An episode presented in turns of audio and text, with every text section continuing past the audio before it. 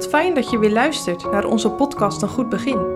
We nemen je mee door het Evangelie van Marcus en we helpen je om van stap tot stap dit Evangelie te begrijpen.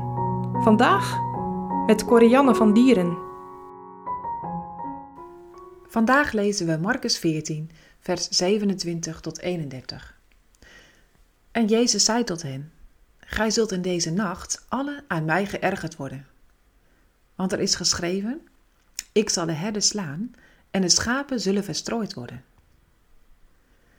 Maar nadat ik zal opgestaan zijn, zal ik u voorgaan naar Galilea.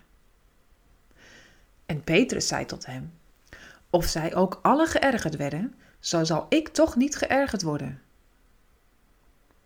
En Jezus zei tot hem: Voorwaar, ik zeg u, dat heden in deze nacht, eer de haan tweemaal gekraaid zal hebben, u mij driemaal zult verloochenen. Maar hij, Petrus, zei doch des te meer: Al moest ik met u sterven, zo zal ik u geen zins verloochenen. En insgelijks zeiden zij ook allen. 24 uur alleen maar positief praten over een ander. En denken, voegde ik toe. Met mijn zussen deed ik deze challenge. Makkie, gaat me prima lukken, dacht ik. Eén dagje, ik draaide de snelweg op richting huis. Keurig 100 kilometer, uiteraard. Goed van mezelf. Na een tijdje een zwarte auto achter me die beslist wilde passeren. Bumpen kleven, knipperende lichten. Ik ging naar rechts en werd getrakteerd op een venijnig hoofd. Akelige vent, dacht ik. Nog 23 uur te gaan. Halverwege de dag was ik de tel kwijt. Ik opende de zussen-app en typte: kansloos. Jezelf overschatten en denken dat iets zeker weten gaat lukken en ontdekken dat het nogal tegenvalt. Of van jezelf verwachten dat je een bepaalde zonde echt niet zult doen en erachter komen dat het toch is misgegaan. Misschien herken je dat wel. Het gebeurde ook bij Petrus. Tijdens de paasmaaltijd bereidt de Heer Jezus zijn discipelen voor op de nacht die komen gaat. Hij waarschuwt hen dat ze zich allemaal aan hem zullen ergeren. Ze zullen hem allemaal in de steek laten. Petrus reageert fel. Dat nooit!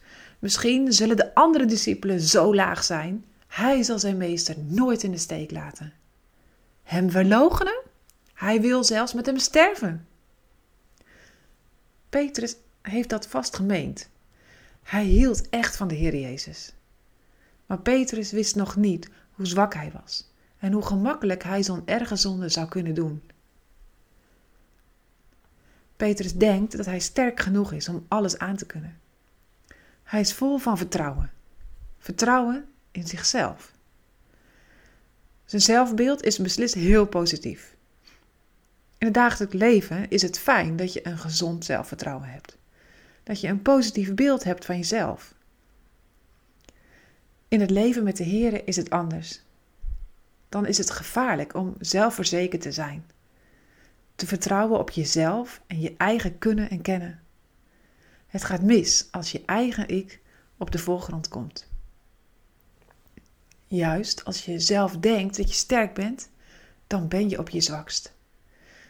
Dat zie je bij Petrus, maar dat geldt voor iedereen die de Heer wil volgen. Zonder mij kunnen jullie niets doen. Deze woorden had de Heer Jezus nog maar kort geleden tegen zijn discipelen gezegd. En hoe gelden ze ook voor jou en mij? En best lastig om echt te geloven.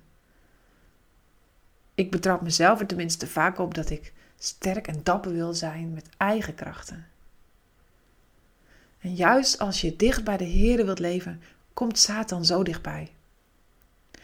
Hij zit soms naast je of achter je, dan weer voor je. En vergeet vooral niet, hij zit in je. Hoe meer je breekt met de zonde, hoe meer je ontdekt hoe diep die zonde in je zit. Op eigen kracht kun je hier nooit mee omgaan. Er is maar één oplossing. Je steeds weer keren naar de Heer Jezus en Hem vragen. Wees mij zondaar genadig.